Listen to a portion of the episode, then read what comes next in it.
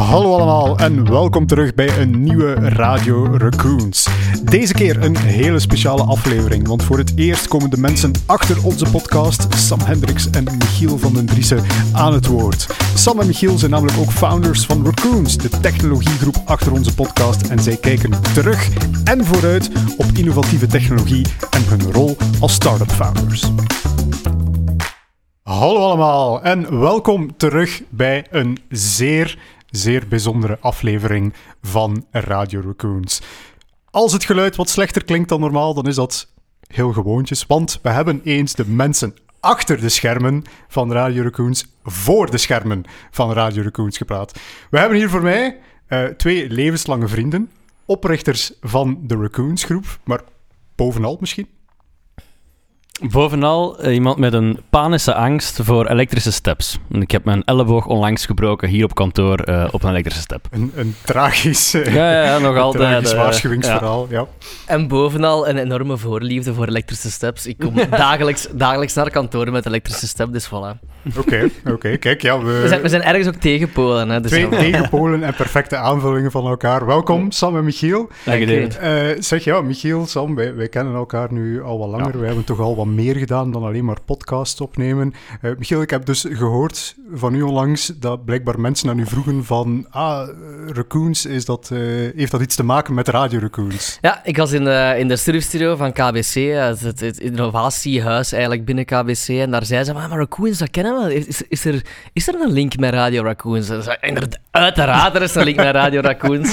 Dus uh, ja, de, de, de, de, de podcast was daar al bekender dan Raccoons zelf, ja, inderdaad. De, onze populariteit, we kunnen het ons, doel, ons doel voorbijgestreefd. Ja, eigenlijk, eigenlijk toch wel een beetje. Dus ja, het lijkt me misschien toch wel eens het, het goede moment om dan te praten over wat is de Raccoons groep ja. eigenlijk? Wat, wat doen we eigenlijk naast alleen maar podcasts maken, Sam en Michiel? Wat, uh, wat is het verhaal die daarachter zit? Ja, de, de missie naar onze klanten toe van Raccoons is om eigenlijk hun te helpen om digitale producten te bouwen met een nieuwe technologie. Wij zeggen altijd, als er een probleem is en klassieke IT-technologie kan het niet oplossen, dan gaan we dat waarschijnlijk vanuit Raccoons uh, wel kunnen doen. Dat is natuurlijk wat je definieert als klassieke IT-technologie, -hmm. maar bij ons is, is typisch met nieuwe technologieën. En dan eigenlijk als we vandaag kijken naar de projecten, komt het grootste deel van onze projecten en het grootste deel van onze omzet zit eigenlijk in artificiële intelligentie. Maar artificiële intelligentie is natuurlijk de zeer brede zin van het woord en daar kan je uh, alle kanten uit gaan. David, dat weet jij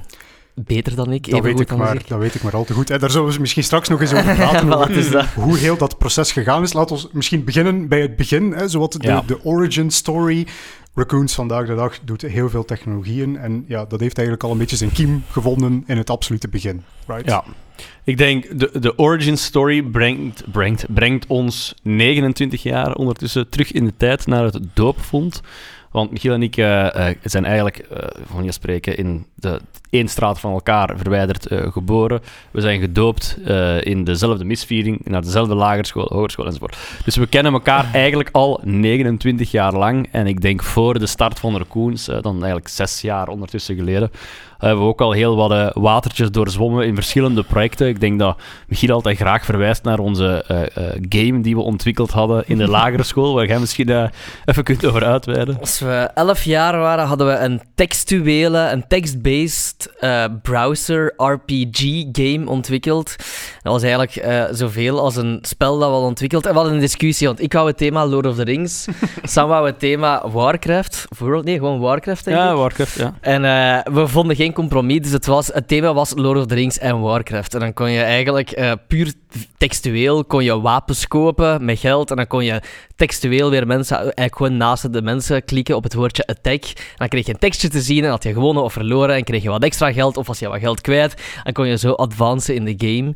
En um, dan hadden het, we... Als ik het goed begrepen had trouwens, waren jullie een van de pioniers in de vroege monetisatie van, ja, van de online games. Want ik denk, right? vanuit een technologisch perspectief, wat we als elf jaar gedaan hadden, was nu niet super indrukwekkend. Hè? Het was vooral een copy-paste van andere open source spellen. Maar we waren er wel uh, zo snugger in geweest om het uh, direct te gaan kijken hoe gaan we dat hier kunnen monetizen. De, de, de marketing zat wel. Uh, ja, voilà, we hadden, we hadden een t-shirts laten drukken waar je in die tijd ongeveer vier weken moest op wachten bij een of andere obscure lokale. Indianenwinkel? ja, Indianenwinkel die ook t-shirts printen on the site. Dus heel de school kende wel ons spel, werd ook lichtjes aangespoord door ons om het te spelen. Maar we hadden vooral ontdekt dat was een tijd, de TMF-tijd ook, waarbij dat je uh, kon sms'en voor dingen te kopen. Je kon ringtones kopen enzovoort. Maar evengoed kon je toen voor whatever op het internet een sms'je sturen of bellen naar een betalende nummer dat je eigenlijk een muziekje kreeg. En daarmee kon je dan credits kopen. Dus dat hadden we geïmplementeerd in ons spel. En kon je eigenlijk ja, muntjes in het spel kopen om wapens enzovoort te kopen door te bellen. Dus we spoorden iedereen natuurlijk aan hè, om alle 11-jarigen, velen hadden natuurlijk ook nog geen gsm, om de gsm's van de ouders te vragen, te bellen naar die nummer. Kregen ze coins, konden ze de beste van de speelplaats worden in de dat game. Dat was niet geïntegreerd, die coins kwamen niet automatisch. zij zij dat was te complex. drie of vijf keren en dan stuurden ze op MSN Messenger naar ons van hey, ik heb gebeld, heb je het gezien? Wij zagen, ah inderdaad, er is van een telefoonnummer zijn er vijf berichtjes binnengekomen. Dan gingen wij manueel in de database hun coins eigenlijk gaan ophogen. Dus er was uh, geen integratie, zover waren we nog niet. Maar we waren wel uh, early adopters van het vandaag zeer gekende betaalsysteem Molly, dat Ah ja, toen eigenlijk in zijn toen. kinderschoenen stond. eh, wat Ja. hadden wij toen al gebruikt. Ja. Trouwens, over de t-shirts ook wel interessant. De t-shirts had eigenlijk van boven de letters BFTH en dat stond voor Battle for the Honor. Dat was de naam van het spel. En daaronder stond er eigenlijk gewoon een gigantische ork. In, Copyrighted in een- ork. Een copyrighted ork. En eigenlijk, basically dat gewoon een screenshot van een van de Lord of the Rings scènes. Dus eh, dat was dan de t-shirt waar we op school mee rondliepen liepen om, eh, om ons spel te vermarkten. Oké, ik denk dat er nu misschien een paar mensen van onze luisteraars terug flashbacks krijgen naar eh, extreem hoge telefoonrekeningen. En Ja. terug zullen grijpen naar die Battle for the Honor t-shirts. Oké, dus we zijn van schimmige pay-to-win free-play eh, textuele RPG's eh, op een bepaald moment gepivoteerd dan... Ik denk, we hebben nog eh, ja, 101 andere ideeën gehad, maar ik denk dat alles wat is veranderd tijdens de hogere studies. Hè. Ik denk, daarvoor hadden we eigenlijk niet echt technische kennis. Het was een beetje wat we online vonden en copy-paste Maar Michiel is dan ingenieur gaan studeren, burgerlijk ingenieur gaan studeren, computerwetenschappen. Ik ben na een klein zijsprongetje via economische wetenschappen ook in, in toegepaste informatica beland. En dat bleek eigenlijk voor, voor al onze zotte ideeën vorm te geven de ideale combo. Hè. Michiel had heel wat notie ontwikkeld van meer het theoretische van AI enzovoort. Ik was als toegepast informatica, informatica student super hands-on. Gewoon, wij kunnen webapplicaties ontwikkelen enzovoort. En plots ja, hadden we zo'n soort, voelden het alsof we een soort superpower gekregen hadden, dat we eigenlijk elk gek idee dat we hadden, gewoon konden zeggen, oké, we gaan nu ons twee weken opsluiten op kot, we drinken wakara-pilsjes, we bouwen iets, en we konden gewoon eigenlijk elk zot idee plots tastbaar maken in, in een product. En dat resulteerde in heel wat vreselijk slechte ideeën die snel zijn afgevoerd. Ook hier en daar zijn er een paar ontspoord. Hè. Michiel, zijn vader, heeft altijd in het deeltijds kunstonderwijs gestaan. We ervaren daar eigenlijk het probleem dat er eigenlijk, zeker toen, weinig tot niks gedigitaliseerd was. Hè. De, hogescho- de middelbare scholen kregen als smart school deeltijds kunstonderwijs, hè, de muziek- en pianolessen enzovoort, hadden eigenlijk niks. Om daar eigenlijk ja, van zijn Excelletjes en zijn Dropbox enzovoort, dat hij al gebruikte, af te stappen en echt naar een, naar een platform te gaan. Eh, daar zijn we dan eigenlijk aan beginnen bouwen. Eerst als challenge om ja, Michiel zijn vader te helpen. Maar dat heeft nadien wel geënt in echt ja, all the way gaan. Hè. We zijn dan student-ondernemer geworden. Vennootschap voor opgericht. De baan opgegaan. Op vrije dagen met Michiel zijn vader naar alle muziekscholen om daar de software te verkopen. Customer support gaan doen. Licentiemodellen daarvoor opstellen. Eh, eh, in de clinch liggen met Sabam. Ik weet niet of we dat hier eh, on the record gaan kunnen zeggen. Waar we de eerste keer ook wat legal advies nodig hadden. Omdat leerkrachten ook partituren konden uploaden in onze eigen Scola Drive. Eh, ja, Scola was de naam eh, van, eh, van het product ook. En dat was eigenlijk de eerste keer dat we zoiets hadden van... oh, Oké, we kunnen misschien onze technische skills die we op de schoolbank geleerd hebben... combineren met misschien een gezonde appetijt voor het ondernemerschap. En dan konden we wel mooie dingen gaan doen. Ik herinner mijzelf ook nog, eh, dus Michiel en mezelf, we kennen elkaar van computerwetenschappen. En eh, ja, laat ons zeggen dat je in die opleiding dan net zo een methodicus leert aanpassen en dan vooral bezig bent met de theorie achter dat stukje code dat je geschreven hebt. En dan was Michiel daar, die ondertussen een heel platform aan het uitbouwen was. En dan dacht ik van, oh, oké. Het, het, vooral het leuke, dat, we hebben eigenlijk enorm veel geleerd. Zo de typische dingen van een vennootschap oprichten, hoe werkt dat, legal advies, sales, licentie enzovoort. Super leerrijk. Maar vooral ook, wel, het was ook de eerste keer dat we eigenlijk een extreem kleinschalig team rondom ons nodig hadden. Hè. We werkten met Michiel zijn vader samen, die hè, veel ook de baan op was en echt een uh, evangelist van het product. Maar ook uh, uh, middelbare scholen hebben ook een, een informatica-opleiding. En die studenten moeten ook eigenlijk stage gaan doen. Typisch gaan die bij een bepaalde, betaalde, een bepaald bedrijf in de buurt uh, een paar IT-taakjes doen aan computers knutselen enzovoort. Maar wij hadden eigenlijk extra ja, softwareontwikkeling capabilities nodig, want ja, we gingen fulltime naar de les, of zouden fulltime in de les moeten zitten. We hadden eigenlijk relatief weinig tijd. En toen hadden we een stagiair uh, aangenomen uit onze vroegere uh, school uh, in het middelbaar, vanuit het Aarschotse. Hadden we eigenlijk een stagiair die dagelijks naar ons kantoor kwam om te ontwikkelen. Alleen was ons kantoor Michiel zijn kot van een, denk ik, een mooie 15 vierkante meter met lege blikjes op de vloer. En de, er eigenlijk... gingen posters van de Hunke Muller en zo gingen hmm. te tegen de muur, wat dat, zo, dat het niet heel professioneel, niet heel professioneel eruit zag. En het was allemaal goed en wel, want die stagiair vond dat ongelooflijk tof. Uiteraard, dat was een van de tofste stages dat je kon doen. Maar het, het, het raarste moment was als er een stagebezoek kwam van de leerkracht.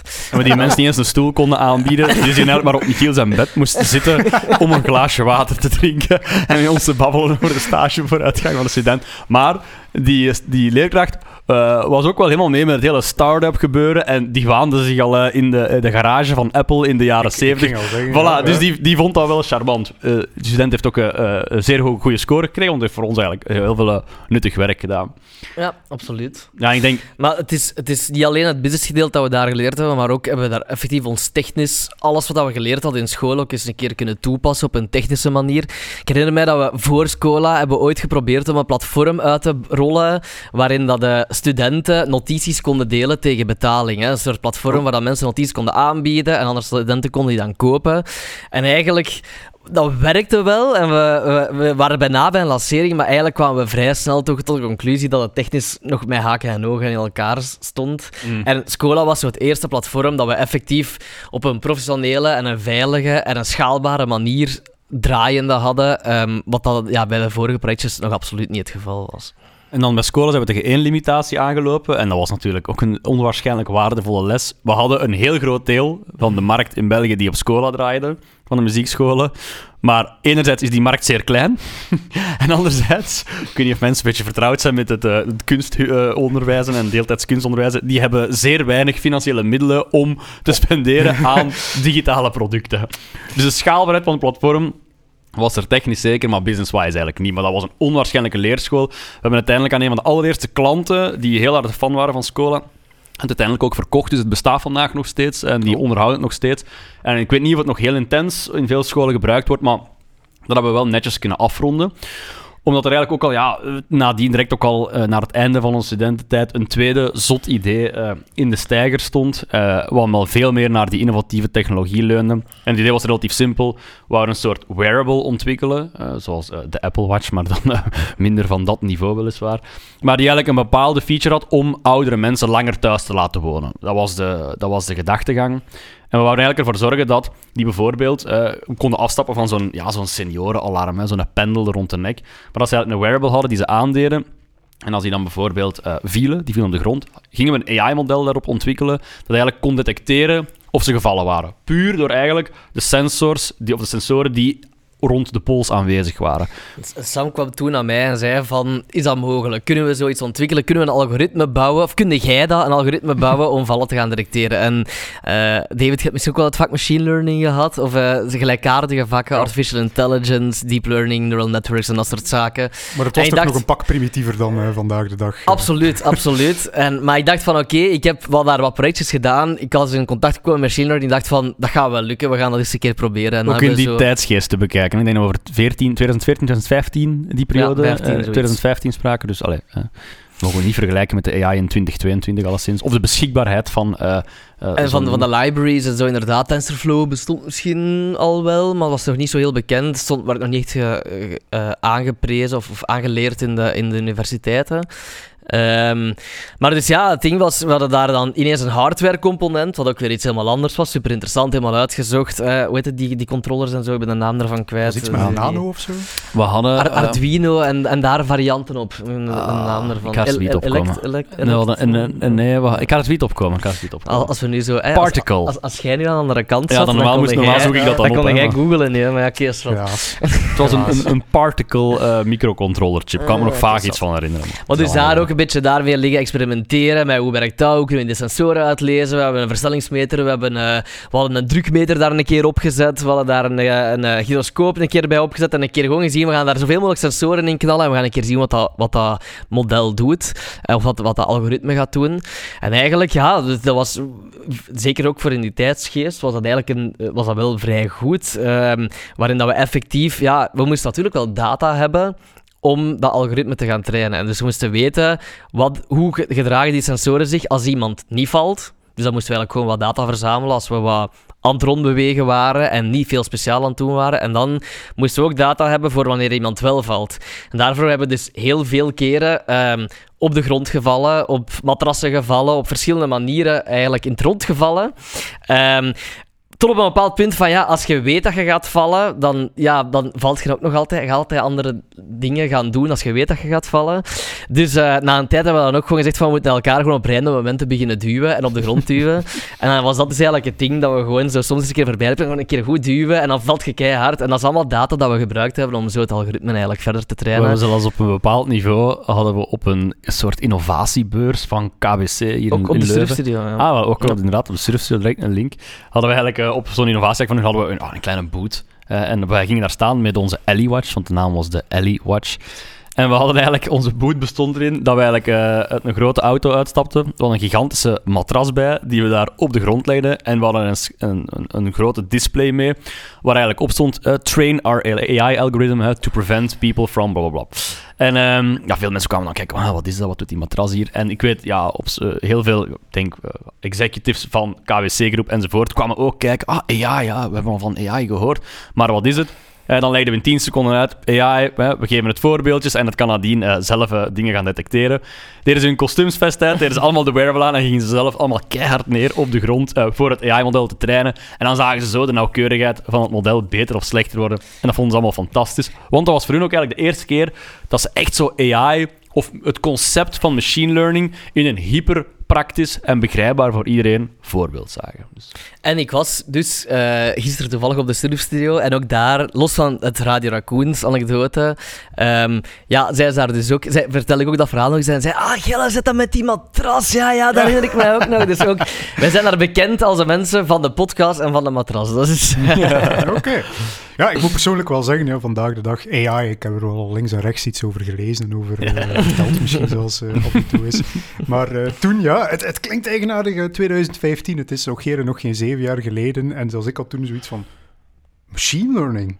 Wow, niet, niet als theoretisch voorbeeldje ergens eh, van lang vergeten technologie, maar, maar we gaan er in de praktijk iets mee doen. Ik, ja, ik, Ja. eh, Maar dat was eigenlijk onze, onze grootste frustratie ook, dat er toen zoveel gepraat werd over machine learning. Dat was echt zo een marketing hype aan het worden. AI is coming and prepare yourself for AI. En niemand deed er iets mee. zeker niet in Vlaanderen. En dat was eigenlijk het idee voor wat dat ons eerste, laten we echte bedrijf, eh, laten we het eerste echte bedrijf noemen. En dat was Craftworks. En dan hebben we eigenlijk gezegd van, kijk, we hebben nu die horloge gemaakt, we hebben laten zien wat dat AI is. En eigenlijk wat dat we heel goed in zijn, is om eigenlijk die ideeën, die high-level ideeën die mensen hebben, de challenges die bedrijven hebben, om dat tastbaar te maken op korte tijd en, dat, en te laten zien hoe dat, dat kan werken. En dat was eigenlijk het idee van Craftworks ontstaan zes jaar geleden. En het idee is om eigenlijk een, een bedrijf dat, eh, dat di- dienstverlenend gaat werken voor andere bedrijven. En de dienst die, zij aan, die, die wij aanbieden was prototyping as a service. We gaan prototypes maken voor andere bedrijven met machine learning, ook IoT en een stukje hardware. Dus al die zaken die eigenlijk in die watch zaten. Heel dat, dat concept gingen we gaan aanbieden voor andere bedrijven om ook hun ideeën tastbaar te maken en, en te valideren. En Ja. ehm, zo zijn we dus eigenlijk opgestart met, eh, met vier personen ehm, met het hele Craftworks verhaal. Juni 2016, denk ik. Klopt. Voilà. Klopt. En ik denk ook, want wat heb je nodig voor heel snel of heel goed te kunnen prototypen? Is een diverse kennis van technologie. Ja, we waren met vier gestart. Michiel was hè, de ingenieur die de AI-kennis had. Ik kende de twee anderen meer full-stack hands-on. Wij konden heel snel iets fabriceren. Waarom? Ja, omdat we net uit een periode kwamen van vier, vijf jaar studeren, waar elke keer iedereen te laat aan een deadline begint en je maar een paar weken hebt om dat bepaalde schoolproject aan te vliegen. en ik weet niet of je je nog herinnert, maar als student ontwikkelt je daar een eigenzinnige manier voor om in een zo'n korte tijdspanne iets te fabriceren waar je eigenlijk niet geloofde dat het zou kunnen. En eigenlijk die mindset hebben we in het begin altijd voor die projecten gebruikt. We gingen gewoon in een mum van een paar weken, konden wij dan eigenlijk een, een idee met nieuwe technologie van, met de klant omzetten in iets tastbaar. En dat was altijd voor hun zo de wow-factor van wow, we hebben hier plots een virtuele assistent waar ik eh, eh, mijn, kan zeggen wat er in mijn frigo ligt en ik krijg recepten terug. Of ja, ik heb hier plots een sensor die bussen kan volgen. Al die zaken die waren plots heel tastbaar en dat werd ook vertaald in projectjes van zes tot acht weken, in budgetjes van een paar tienduizend euro, versus gigantische IT-projecten, versus dat talent zelf gaan moeten zoeken en hopen dat ze ook iets van AI kennen enzovoort. En dat was in 2016, ja, waren we daar een beetje baanbrekend in Vlaanderen. dat was mee, nodig gewoon om dat van die theoretische talks weg te halen en dat tastbaar te maken. We geloofden echt dat dat nodig was en het sloeg ook aan, hè, want ik was nog mijn laatste examens aan het doen in juni. Sam was al, had zijn laatste examen al gedaan en ik was nog aan het studeren en Sam stuurt, ja, ik heb het eerste project verkocht, hè. we moeten het volgende week opleveren. ik zeg zo, eh, ja, eh, klein probleem, ik ben nog even aan het studeren, ik heb, mor- ik heb morgen nog examen. Ja, oké, maar niet, dat is goed, maar eh, na het examen komt gewoon direct door eh, naar het kantoor en dan gaan we daar eh, direct alles in elkaar, dan kunnen we direct eraan beginnen. Zo, oké, oké, ça va. Dus uiteindelijk effectief eh gestudeerd, het laatste examen afgegeven, snel iets gegeten en eigenlijk direct begonnen aan het eerste project.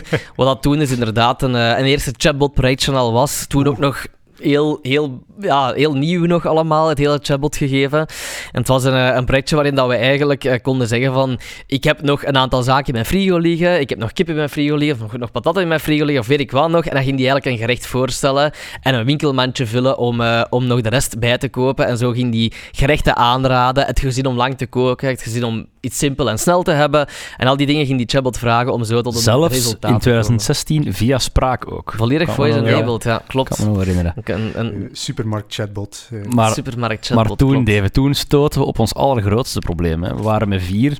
En al redelijk snel ja, gingen Michiel en ik ook iets meer ja, met klanten gaan babbelen, een beetje op podia gaan staan, presentaties geven, evangeliseren rond wat we doen. Waardoor we eigenlijk de tijd dat wij ontwikkelden, eigenlijk in de eerste maanden heel snel afbouwden of zelfs tot nul herleid werden. En dat we eigenlijk meer, eh, hoe zal ik zeggen, eh, eh, verbaal werkten, eh, commerciële dingen deden, operationele dingen enzovoort. Dat we eigenlijk heel snel handjes tekort kwamen. Dus Ik moesten we dringend op zoek naar onze allereerste hire. Ik Dan herinnerde een mij... shady bericht. Ik, ik herinnerde mij een, een medestudent waar ik samen mee een project had gedaan waarin dat we een Zeppelin moesten laten rondvliegen. Dat was een, een project voor school. En die Zeppelin die moest, eh, die moest een raster inlezen dat op de grond Wormpjes geplakt was. En dan moest hij eigenlijk zelf de, zijn motoren gaan aansturen en eigenlijk bewegen over dat raster.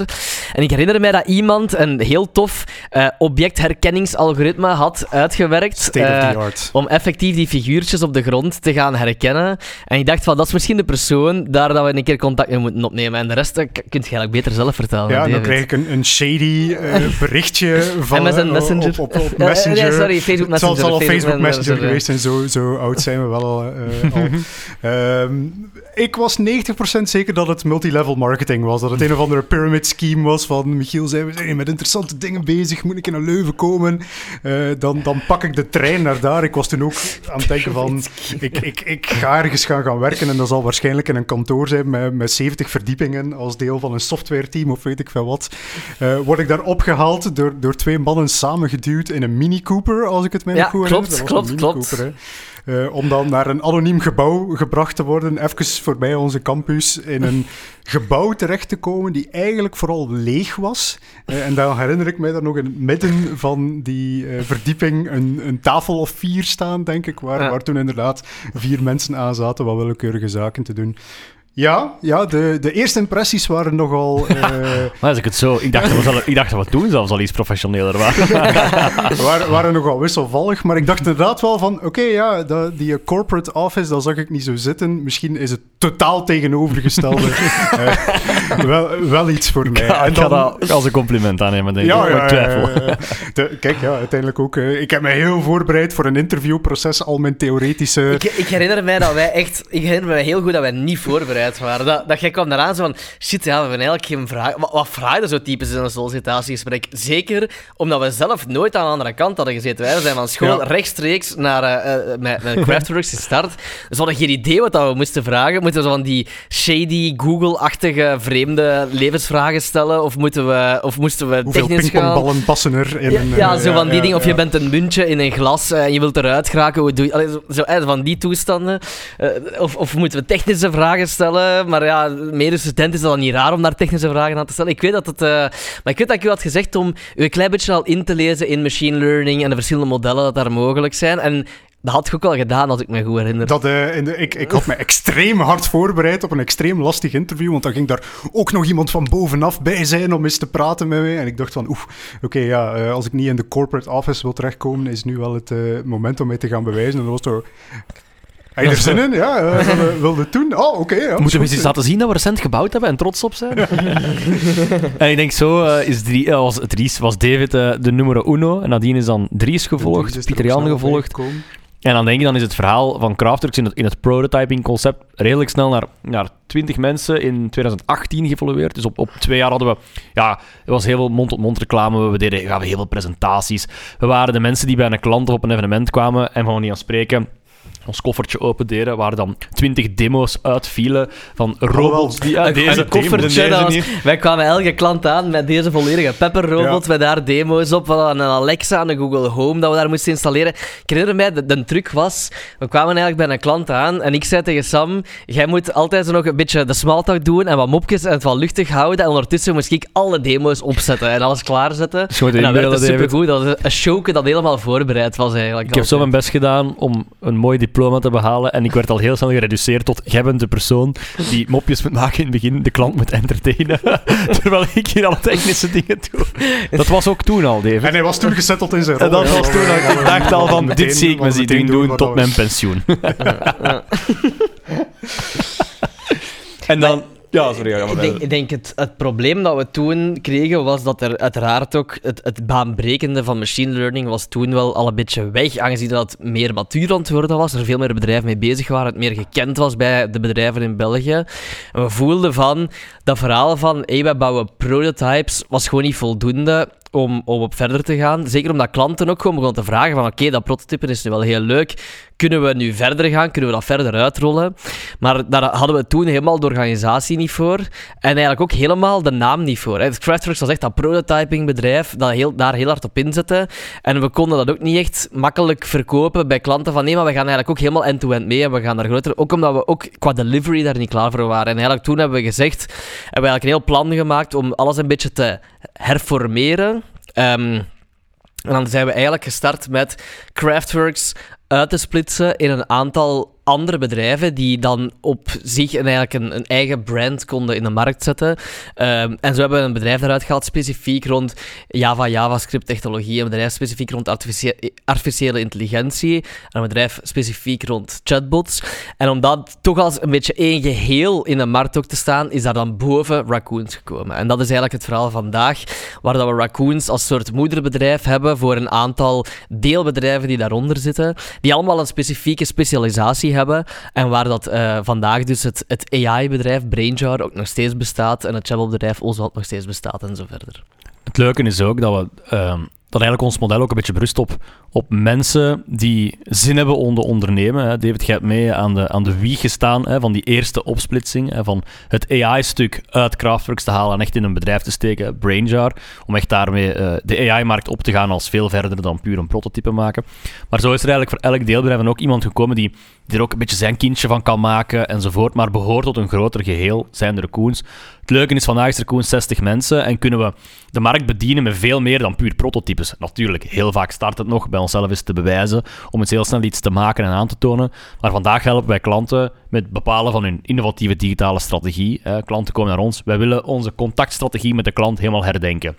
Oké, we hebben mensen die service design doen, digitale strategen. Wij kunnen daar chatbots in verweven. Wij kunnen daar slimme eh, AI-systemen in verweven die bepaalde patronen analyseren. En wij kunnen dat met de klant meedenken, end-to-end gaan maken van concept tot uitrol en nadien verder begeleiding daarvan. En dat is eigenlijk vandaag altijd, hè, dus de teruggrijpen naar de, de missie van in het begin, voor klanten digitale oplossingen bouwen, maar nog steeds met die nieuwe technologie. Alright. We zijn nu aangekomen eigenlijk een beetje op de dag van vandaag. De present. Ja. Nog een, een kleine retrospective houden over de, de afgelopen paar jaren. Wat zouden we zo zeggen? Als we, als we nu eens beginnen met, met memorabele momenten of zo, zijn er, zijn er kantpunten, kantelpunten die jullie nog Ah, kunnen ja. herinneren? Ik denk, voor mij, ja, ik nooit ga vergeten, David, en jij, waren er, eh, jij maakte er deel van uit. Ik denk, het waren dus 2016 of misschien nipt 17. En eh, David, je werkte, denk ik, een week of zo Een bij week, ons. Echt nog totaal niet lang. Maar er was in Wenen, hè, in Oostenrijk, eh, een, een chatbot-conferentie. Ja, wat toen? Nu, zijn, nu is chatbot schering en inslag en, die, en innovatieve conferenties Eerst schering en in de inslag. wereld, denk ik. Dat was het in de wereld en dat was in Wenen. Dus we dachten, "Mo, daar moeten we naartoe gaan. Dus maar we dachten, we gaan met iedereen. Dus we gingen met het volledige bedrijf, de volledige vijf mensen, in een BMW 1-series. Wat niet eh, een zeer leuke auto, maar best een kleine achterbank is. Dus Voor met, vijf man, toch Nee. zeker. met drie op de achterbank in één trek naar eh, Wenen gereden. Daar ergens een, eh, een Airbnb-appartementje gehuurd. Zeer veel pret gemaakt, maar dat zal ik hier vandaag eh, in het midden laten.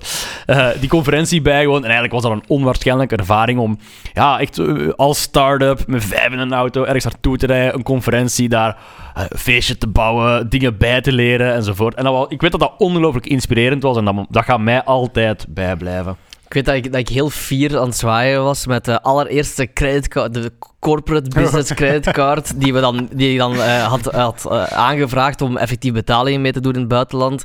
De allereerste betaling die ik heb gedaan was een hamburger voor ons al, was hamburgers voor ons allemaal in een wegrestaurant. En in plaats van 33 euro en half heeft die, eh, had de mevrouw achter de, achter de, de toog had 335 euro ingegeven. En we hadden 335 euro betaald voor eh, vijf hamburgers. Dus dat was, eh, direct een, een lastig momentje. ja. Die teamuitstap staat in schril contrast met de organisatie dat we vorig weekend hadden. Vorig weekend zijn we dan met, met 60 mensen op eh teamweekend gegaan. De organisatie van met vijf rap in een BMW in een wegrestaurant stoppen en naar Wenen rijden is net wat minder werk dan 60 mensen. Een inspirerend en vooral leuk eh, weekend bezorgen. Dus eh, daar zijn we een lange weg gekomen. Dus dat was een, een eerder een, een niet-professionele herinnering. Maar, Ik denk, ik denk nog wel een memorabel moment is ook e- een van de projecten die bij ons in heel veel mensen in hun hoofd nog altijd zit, is het project dat we ooit voor Volvo hebben gedaan. En dat was op het autosalon van 2018. Dat is een case die we nog altijd gebruiken, want het is nog altijd e- een van de coolere cases dat we ooit hebben gebouwd. Maar het idee was dat we een auto gingen ontwikkelen, of niet geen auto ontwikkelen, maar we gingen een auto omtoveren, ehm, zodat die een sollicitatiegesprek kon afnemen. En ze hadden toen de toen nieuwe Volvo S90, wel, werd de Volvo HR90. En we hadden die volgegooid met technologie. We hadden daar de boordcomputer, was daar in de fabriek uitgehaald en vervangen door een Samsung tablet, dat dat programmeerbaar was, dat we er een browser en zo op konden openen. We hadden eigenlijk heel die, die boordcomputer ook nagebouwd, dat die interfaces eruit er hetzelfde uitzagen, maar je kwam, ging daarin zitten en ineens begon dat tegen jou te praten, kon je daar tegen terugpraten, ging die vragen stellen, die ging analyseren welke kleur van kleren dat je aan had, die ging je glimlach gaan detecteren en het gesprek daarop gaan aanpassen. En ehm, heel dat systeem dat draaide in de koffer van de wagen op een computer, omdat we de internetverbinding eh, van het autosalon, van een conferentie, vertrouwden we niet echt. Dus dat draaide volledig in de koffer van een wagen. En dat idee kwam naar ons. Ik denk, als ik zeg zes weken eh, voor dat, de start van het autosalon, dan was het al vrij veel. ja. Dus we moesten op zes weken heel dat systeem in elkaar steken, wat dat een ongelofelijke uitdaging was. En toen ja, hebben, we, hebben, de, hebben we- sferen op kantoor gezien die, die, die, die gewoon super cool waren. Wat toen natuurlijk heel stresserend en heel veel druk, maar achteraf gezien gewoon een ongelooflijk toffe tijd waren. Dat hier gewoon developers aankwamen met hun slaapzak en met wat chips en met wat cola en gewoon zeiden van ja, het zal deze nacht zal een nacht door zijn. Ik zal ze hier op een matteke nog twee uur gaan liggen en dan weer verder doen. Omdat we dat op absoluut eh afwouden hebben. En als we dan bijna op het punt waren dat alles af was en alles draaide, we hadden al een paar succesvolle testen gedaan op het autosalon, dan kwam iemand van de kuisploeg met een spuitbus met, eh, ehm, met Alcoholspray. eh, alcoholspray in, kwam die eigenlijk eh, de, de, de auto's afkuisen. En wat moet gebeuren? Uiteraard, die moeten blinken voor het autosalon. Maar de ventilator van de computer die in de koffer zat, had dus die spray naar binnen getrokken. En ineens kwam er rook uit de computer. En dus moesten we weer een heel nieuwe computer, een heel nieuwe setup daar gaan zetten.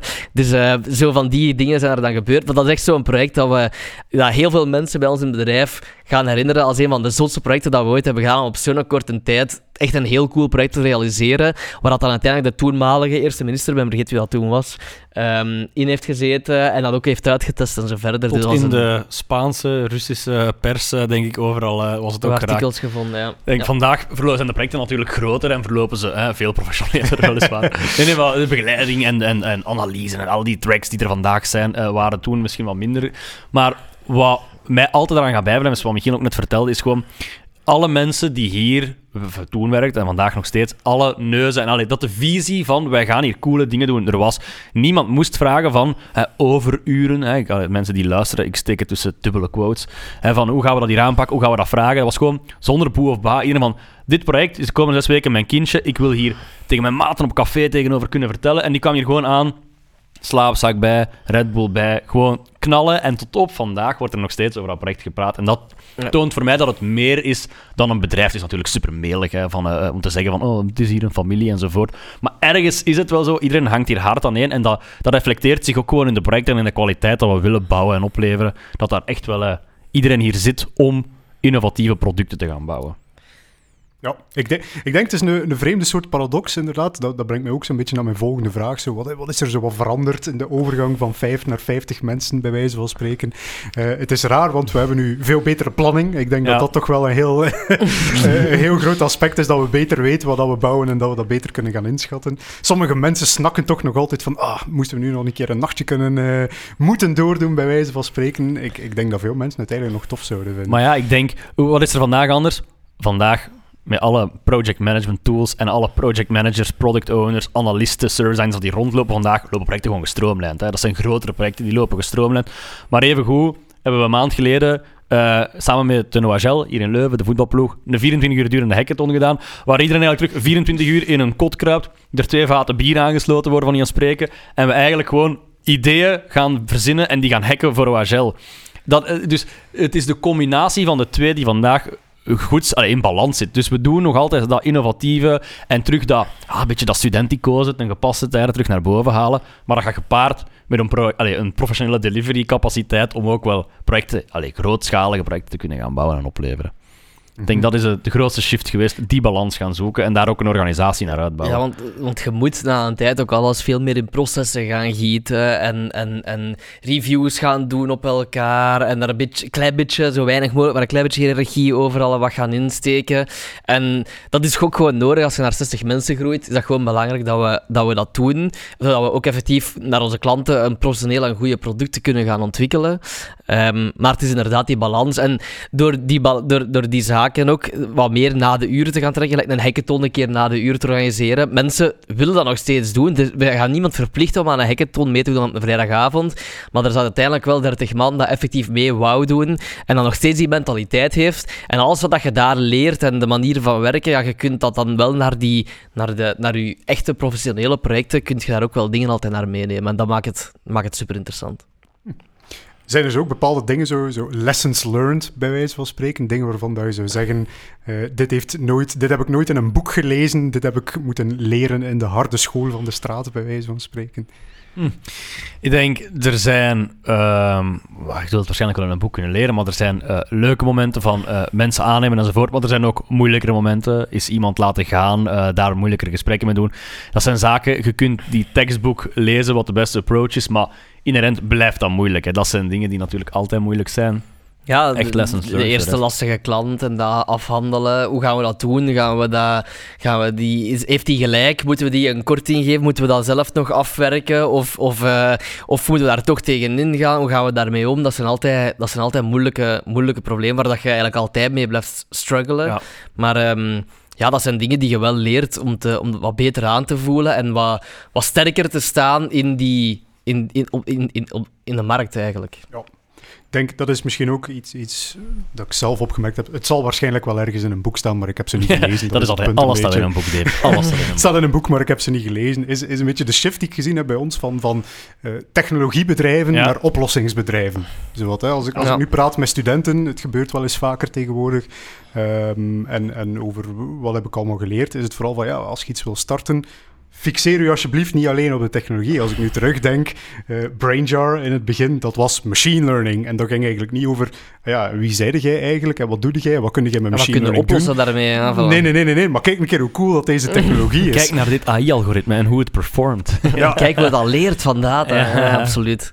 Nee, dat is, dat is, dat is inderdaad een van, een van de grote verschillen. Hè. Dus dat, dat we effectief gaan vertrekken vanuit een uitdaging nu. En dat is eigenlijk hoe dat heel onze organisatie vandaag is opgebouwd. Hè. We kijken naar klanten die bepaalde uitdagingen hebben, waar dat wij geloven dat nieuwe technologie, zonder die meteen al te noemen, um, een oplossing zou kunnen bieden. En dan gaan we met hen eigenlijk in een traject gaan om te gaan kijken, oké, wat is die uitdaging? Hoe kan die efficiënter? Uh, wat zijn, op welk punt kunnen we automatiseren? Welke technologieën hebben we daarvoor nodig? En dan pas komt dus dat technologieverhaal daar ook effectief bij kijken.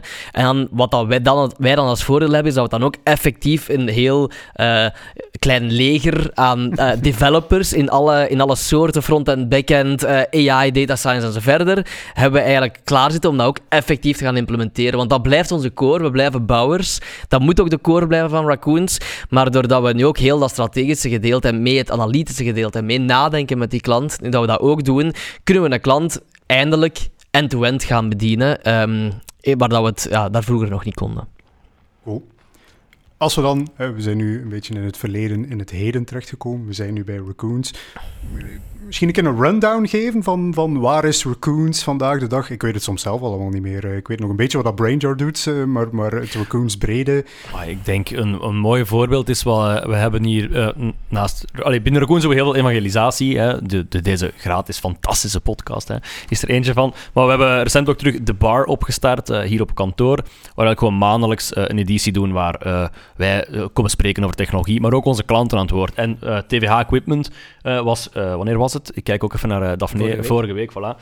Was TVA Equipment hier, die, kom, die kwam praten over een project dat we samen hen doen.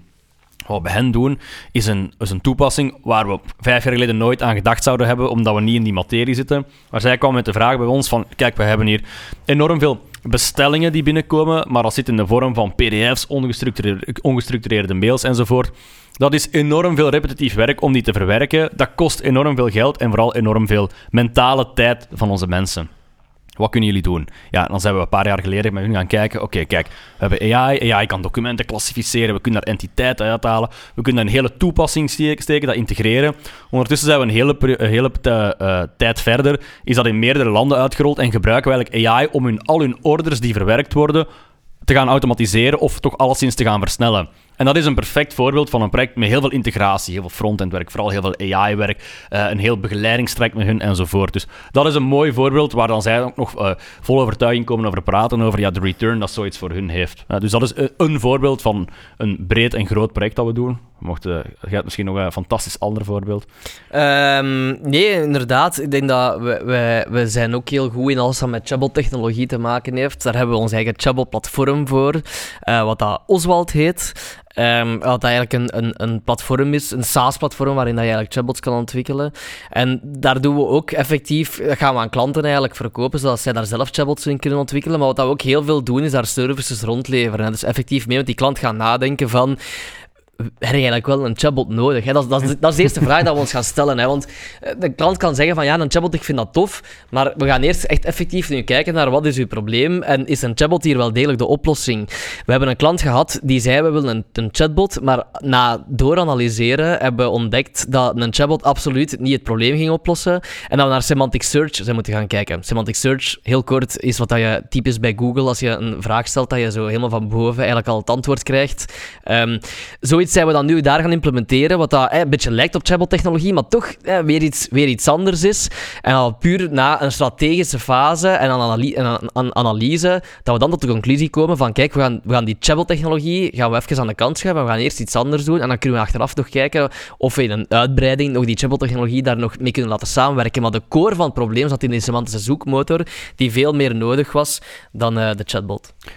Ik vind het verhaal van Oswald trouwens altijd heel leuk om te vertellen. Want vandaag is dat een heel uh, leuk, mooi, uitgebreid platform met, met een user interface. Zo uh, Ik herinner mij nog de eerste chatbots die ik zelf nog geprogrammeerd heb. Leuke tijden. Command line. Uh, in een command line tool. die, die eigenlijk een heel originele exit-functionaliteit had. Als je het programma wou afsluiten, dan waren er gewoon tien manieren om het te laten crashen en dan werd je ook het programma geraakt. Dat is... En dan ja, langzaam maar, maar zeker zien evolueren in iets dat nu ook door ja, eigenlijk mensen zonder technische kennis kan worden gebruikt. Het is toch wel een het, het, punt was dat er zes jaar geleden waren er zo weinig tools om chatbots te ontwikkelen. Er was echt zo goed als niks. En als er al iets was, was dat ook niet in het Nederlands. En klanten vroegen aan ons vragen, ga zij een AI-prototyping bedrijf, ik wil een prototype van een chatbot. En wij hadden zoiets van, oké, maar we hebben niet echt de juiste tools. En dan um, heel veel geëxperimenteerd. Gaat dan toen AIML, ik weet niet of je dat uh, kent. Dat is artificiële, of Artificial Intelligence Markup Language. En dat was eigenlijk een soort keyword spotting dat dat deed, dat je een markup language, een chatbot kon bouwen. Maar dat was helemaal niet intelligent, dat deed niks. En dan herinner ik mij dat ik het eerste, allereerste versie van een algoritme had geschreven, waar dat ik uh, tien trainingszinnen kon sturen die dan een bepaald label kregen, een bepaalde intent in chatbot-termen uh, dan. En um, ik, kon dan, en ik kon dan aan Sam zeggen van, druk eens een keer een van die zinnen in uw eigen woorden uit. En Sam deed het dan en dat voorspelde dan met een bepaalde confidence juiste intent. Dat was van, oké, now we're on to something. Uh, now we're on to something. Hier, hier, hier gaan we echt iets mee gaan kunnen doen. Um, en, dat is even, en vandaar is het eigenlijk helemaal beginnen uitrollen. En hebben we effectief ja, vandaag een heel uitgebreid chatbot-platform, waarin dat... Ik heb het onlangs na nagevraagd. In de absolute core zit er nog een stukje, stukjes code van toen helemaal in het begin. Zit er nog steeds in. Maar natuurlijk, er is vandaag heel veel rondgebouwd. En vandaag is dat een zeer, zeer uitgebreid SaaS, uh, schaalbaar, cloud platform met alles erop en eraan. Waar dat we verschillende klanten, uh, zoals Odyssey Hogeschool, CM, Helan, Acerta, Dokkel, allemaal opzitten. En vandaag ja, duizenden duizenden berichten doorgaan. Wat dan natuurlijk echt super cool is. Dat zo een, een platform van zo, hè, dat eerste algoritme van in een turn zinnetje tippen en we hebben een juiste voorspelling van intent, dat we eigenlijk gewoon laat, dat laten doorgroeien naar waar dat we vandaag staan. En ik denk dat maakt, een, allee, ik wil misschien niet vooroplopen, want ik heb het gevoel dat we niet naar de future uh, of zo gaan gaan. Huh? ik voelde nu een opbouw al. Hè. Maar um, ik denk, en dat is waar we met Raccoons een beetje uniek gepositioneerd zijn. Wij zitten, wij komen heel vroeg in aanraking met nieuwe problemen die met nieuwe innovatieve technologie opgelost kunnen worden. Michiel gaat het voorbeeld van de chatbots krijgen de vraag om een chatbot te ontwikkelen. We krijgen die vraag nog eens, we krijgen die vraag nog eens. Hetgeen er vandaag in de markt is om die problemen op te lossen, is er niet. Oké, we bouwen voor klant 1 iets, we gebruiken dat verder voor klant 2, 3, tot er eigenlijk een product uit voortkomt. Hè. Michiel vertelde de anekdote dat Oswald vroeger 100 lijnen code was dat bediend werd via het zwart schermpje met groene letters op en uiteindelijk zo wel iets kon maken naar vandaag een licentie gebaseerd, volledig software as a service platform, product eigenlijk, dat door heel veel bedrijven hier in België gebruikt wordt vandaag. We zien hetzelfde, ik vertelde de anekdote van TVH Equipment. Die, die orderverwerkingsproblematiek zien we terugkomen bij meerdere bedrijven. Er is vandaag geen enkele oplossing die voldoende geschikt is om de complexiteit van orderverwerking op ongestructureerde info met AI te gaan oplossen. Wel, we hebben die uitdaging bij TVH Equipment gezien. We zien die vandaag bij nog andere klanten. We hebben daar Classify opgebouwd, opnieuw een product, net zoals Oswald, software as a service gebaseerd, waar als nadien bijvoorbeeld hè, van marken gekomen is met een gelijkaardige problematiek, wij een product kunnen naar voren schuiven om eigenlijk dat probleem op te lossen. En het feit dat wij heel vroeg bij, in, in, een, in een uitdaging zitten, zo bij verschillende klanten, zien we de mogelijkheid om dit nog veel vaker te gaan doen. We hebben vandaag als, eh, we zijn natuurlijk dienstverlenend, maar we hebben twee zijproducten, Oswald en vandaag ook Classify. Ja, zo gaan er in de toekomst onwaarschijnlijk nog veel meer komen. Welke gaan dat zijn? Onvoorspelbaar. Het is een kwestie van de, grootste, van de grootste gemene deler te zoeken tussen een aantal projecten als die bestaat. Op het moment dat we zien van oké, dit is een grootste gemene deler die groot genoeg is om daar effectief iets rond te gaan productizen, dan is dat altijd het tool. Ja, ik heb inderdaad ook al discussies gehad met mensen van, ja, we zijn een AI-dienstenbedrijf en ja, die weten dan niet helemaal wat AI is, maar mhm. die weten wel dat er blijkbaar veel geld in zit of zo, of dat er veel over gesproken wordt. Vraag me dan van, ja, waarom eh, bouwt je eigenlijk dingen voor andere mensen dan, als je misschien net zozeer een product had kunnen bouwen? zeg ik van, daar zijn we nu mee bezig. Maar nu dat we pas weten wat de use case is waar mensen geïnteresseerd in zijn... Want heel vaak is, is het maatwerk. En klant, eh, het gros van de klanten heeft, heeft een super specifiek uh, probleem waar wij met een mix van technologie zijn individueel probleem zo goed mogelijk moeten oplossen. Maar hier en daar, af en toe er in de jaren, komen er opportuniteiten die zo vaak op elkaar lijken, dat we zeggen van ja, we gaan toch niet elke keer voor die klant het wiel opnieuw uitvinden. Hier is een opportuniteit in. Natuurlijk, een dienstverlenend bedrijf is compleet anders te sturen uh, en, en, en te beheren als een productgerelateerd bedrijf. Daarmee dat we ook bijvoorbeeld met Classify nu de sprong gaan maken om het echt als een productbedrijf ook op te zetten en te aanzien. Uh, dat gaan we in de toekomst nog veel vaker gaan doen, vermoedelijk. Dus, ja. Vinden van de juiste use case erin. Hè. Als we dan een beetje kijken naar, naar de toekomst, inderdaad. Het is, het is moeilijk te voorspellen. Kun je hè, niet eh, forceren gewoon. Hè. Het, is, het is meeblijven met alle trends die er zijn. Hè. We hebben mensen hier, David, jij zit daar het schoolvoorbeeld van, van mensen die een extreem brede kijk hebben op wat kan technologie, wat gebeurt er in de, in de, in de wereld. Breng die mensen in contact met verschillende klanten, laat die naar uitdagingen horen en dan tak, tak, tak. eh 1 plus 1 hè, wordt dan plots, ik durf het wel niet zeggen, maar het wordt soms 3. Wauw. Sorry, dat gaat bij de mail. Je hebt nog één cliché en dan sluiten we Ik- deze podcast Ja, ik heb al gezegd, we zijn een familie en ik heb 1 plus 1 is 3. Ik heb er nog eentje voor straks, ik zal erover nadenken. Dat is eigenlijk ook een goed advies voor, voor mensen die met technologie bezig zijn. Domeinkennis is... Mhm. is Mhm. ik, ik, heb al, ik, ik herinner me nog altijd dat ik ergens, eh, het was op een museum-evenement, ik denk drie uur lang gepraat heb met een gast over transportbanden.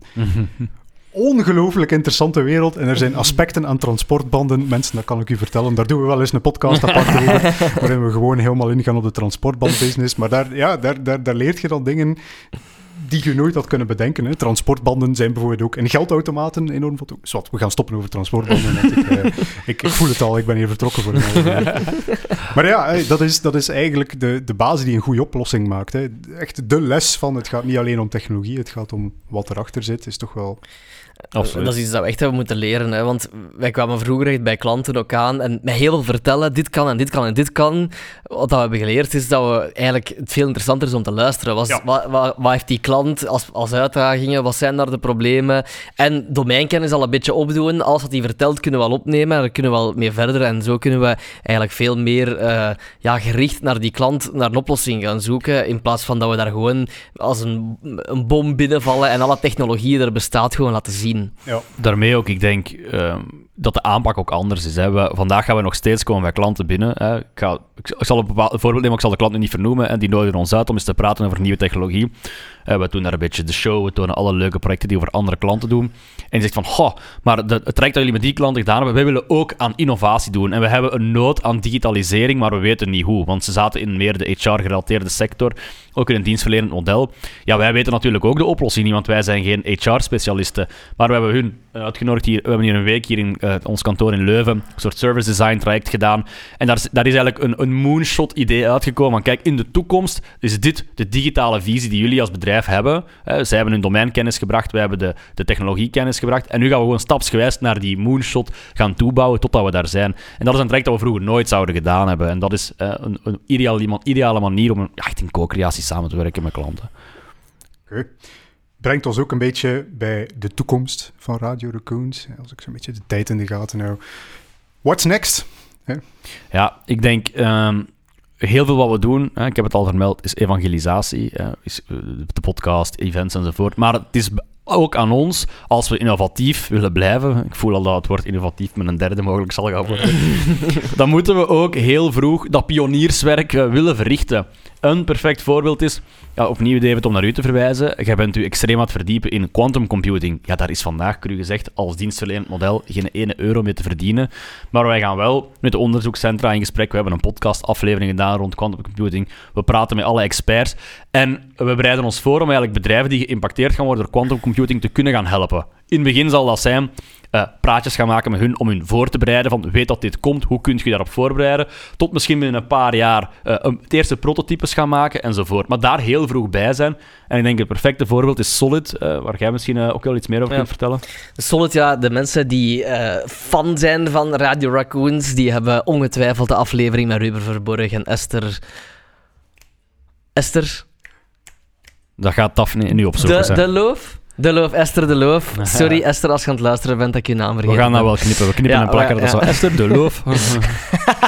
ja, ik kan dat. Opnieuw, hè, de mensen hebben de aflevering met Ruben Ver- Verborg en Esther de Loof misschien wel gehoord. Want dus Solid is een technologie waarin dat eigenlijk mensen, ehm, of eh, ja, waar je eigenlijk je persoonlijke data in je eigen datakluisje gaat krijgen, in plaats van dat je bij elke online service die je gebruikt, je data centraal eigenlijk naar daar moet sturen en ze allemaal verschillende kopieën van, van, van jouw data hebben. Dat is heel, heel kort uitgelegd eh, wat dat Solid is. En het is eh, iets waar de Vlaamse overheid enorm hard op aan het inzetten is. En dat is dan zoiets wat dat we... We zien dat op ons afkomen. We zien dat eigenlijk van vroeg al op ons afkomen. En vanaf dan voelen we meteen van, oké, dat is iets waar we met Raccoons moeten investeren. En dat is altijd dan de vraag stellen van, is dat iets waar we moeten investeren of niet? Solid is dan een, is, heeft dan het, uh, het is natuurlijk ook een beetje een gevoel dat we daarbij hebben. Um, het is een beetje intuïtie dat we moeten gebruiken. Maar bij, bij Solid was dan het, het verhaal van, oké, ja, hier moeten we effectief op inzetten. Dit gaat iets worden en dit past helemaal in het verhaal dat we met Raccoons willen brengen. Um, en dan hebben we dus eigenlijk meteen ja, mensen beginnen zoeken um, die, uh, die kennis hebben van Solid of kennis willen opbouwen van Solid. En zijn we nu eigenlijk aan het uitwerken. En vandaag zijn we met de, met de Vlaamse overheid de, de eerste projecten eigenlijk aan het uitwerken rond uh, die Solid-technologie. En het leuke daaraan is, uh, dat, dat komt op ons af. Maar natuurlijk, dat wordt, die initiatieven worden getrokken door of mensen die vandaag in de koen zitten en zeggen van Goh, dat is iets dat mij zo aanspreekt, ik wil daar mijn schouders uh, onder zetten. Tot mensen die van buitenaf komen, die zeggen oh, jullie zijn ook met Solid bezig, wij zijn ook iets met Solid aan het doen. En dat zijn mensen die vandaag hier uh, aan de kar gaan trekken om opnieuw op podia te gaan praten over Solid. Met mogelijke klanten of met de Vlaamse overheid in gesprek gaan partnerships met andere bedrijven afsluiten enzovoort. Dat als het echt hier is en we er echt mooie dingen mee kunnen gaan maken, dat we daar klaar voor zijn. En dat is een heel groot deel van wat we met Raccoons ook willen doen. Dat is heel vroeg met die technologie of met die oplossingen bezig zijn. Oké. Okay. Ik uh, heb trouwens onlangs nog een artikel gelezen bij deze al primeur voor Radio Raccoons binnen 20 jaar. Mm, goed. Theoretisch bewijs voor exponentiële speed-up van quantum machine learning algoritmen. Het komt allemaal het te komt samen. samen. Het komt allemaal te samen. Dus, het uh, komt samen. Quantum David, Brain Jar, calling it now. Uh, het, het, innovatieve bedrijf dat eraan komt. Het is uh, oh, seizoen, de sterren geschreven. Seizoen 24 zullen we dat, uh, van de podcast zullen we daarover hebben. Ja, daar zal ik er eens over, uh, over komen praten. Alright, ja, kijk, ik denk dat we, dat we eigenlijk het, het volledige spectrum behandeld hebben. Hè. Ja. Het was leuk om ook eens hier te zitten. En oh, dat hoe we niet het daar, eigenlijk? Dat we niet daar aan die tafel Ik heb hier één keer gezeten en dat was in de pilot-aflevering. We hebben een keer helemaal in het begin, Oh, uh, ja, bij de start ja. van Radio Raccoons, hebben we een keer gezegd van, we gaan een keer testen dat de camera's en het geluid en dat dat allemaal deftig werkt. En hebben we een pilot-aflevering gedaan. Dus um, het was niet super nieuw, maar ja, het feit dat het nu gaat uitgezonden worden, ook effectief, uh, maakt het al een beetje spannender. Hè? Ik heb hier één keer gezeten en dat was om de stem van de jingle van seizoen 1 in te spreken. Met Ah, een, ja, met een, voor de in de echte oude fans Nederlandse van het eerste Ja, uur. die gaan me ooit wel herkennen, denk ik. ik ga daar ooit, ooit gaat die een jingle terugkomen, maar de marketingmanager van Raccoons heeft die afgevoerd. Uh, ik moet daar nog in discussie gaan over haar.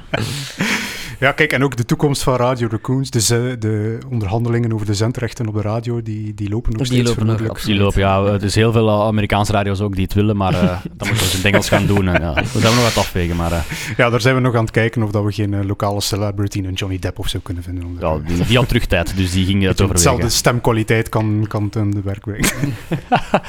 Genoeg over jou, David. ja, ja. Genoeg jezelf vergeleken met Johnny Depp. Voilà, kijk, en met deze uh, bombshell, om het dan zo te zeggen, Ja. zullen we hier dan afsluiten voordat het een beetje te vreemd wordt hier op de radio. Sam en Michiel, ja, ik zou zeggen bedankt om... Ja, jullie komen altijd uh, als het gaat, maar bedankt om nu toch eens de extra moeite te nemen en jullie voor de Voilà. camera te zetten in plaats van achter de camera. En ik zou zeggen, ja, wie weet, uh, slaat het enorm aan. Hè? Zijn de mensen die thuis zeggen van meer, meer en Sam en Michiel, laat het ons weten. En dan Mhm. kunnen we daar eventueel nog een vervolg aan breien. Verwacht een berichtje van mijn mama. Die zal alvast, uh, die zal alvast pro zijn. Ik vond het een leuke trip down memory lane. Yes, absoluut. Voilà. Super, dankjewel. Dankjewel.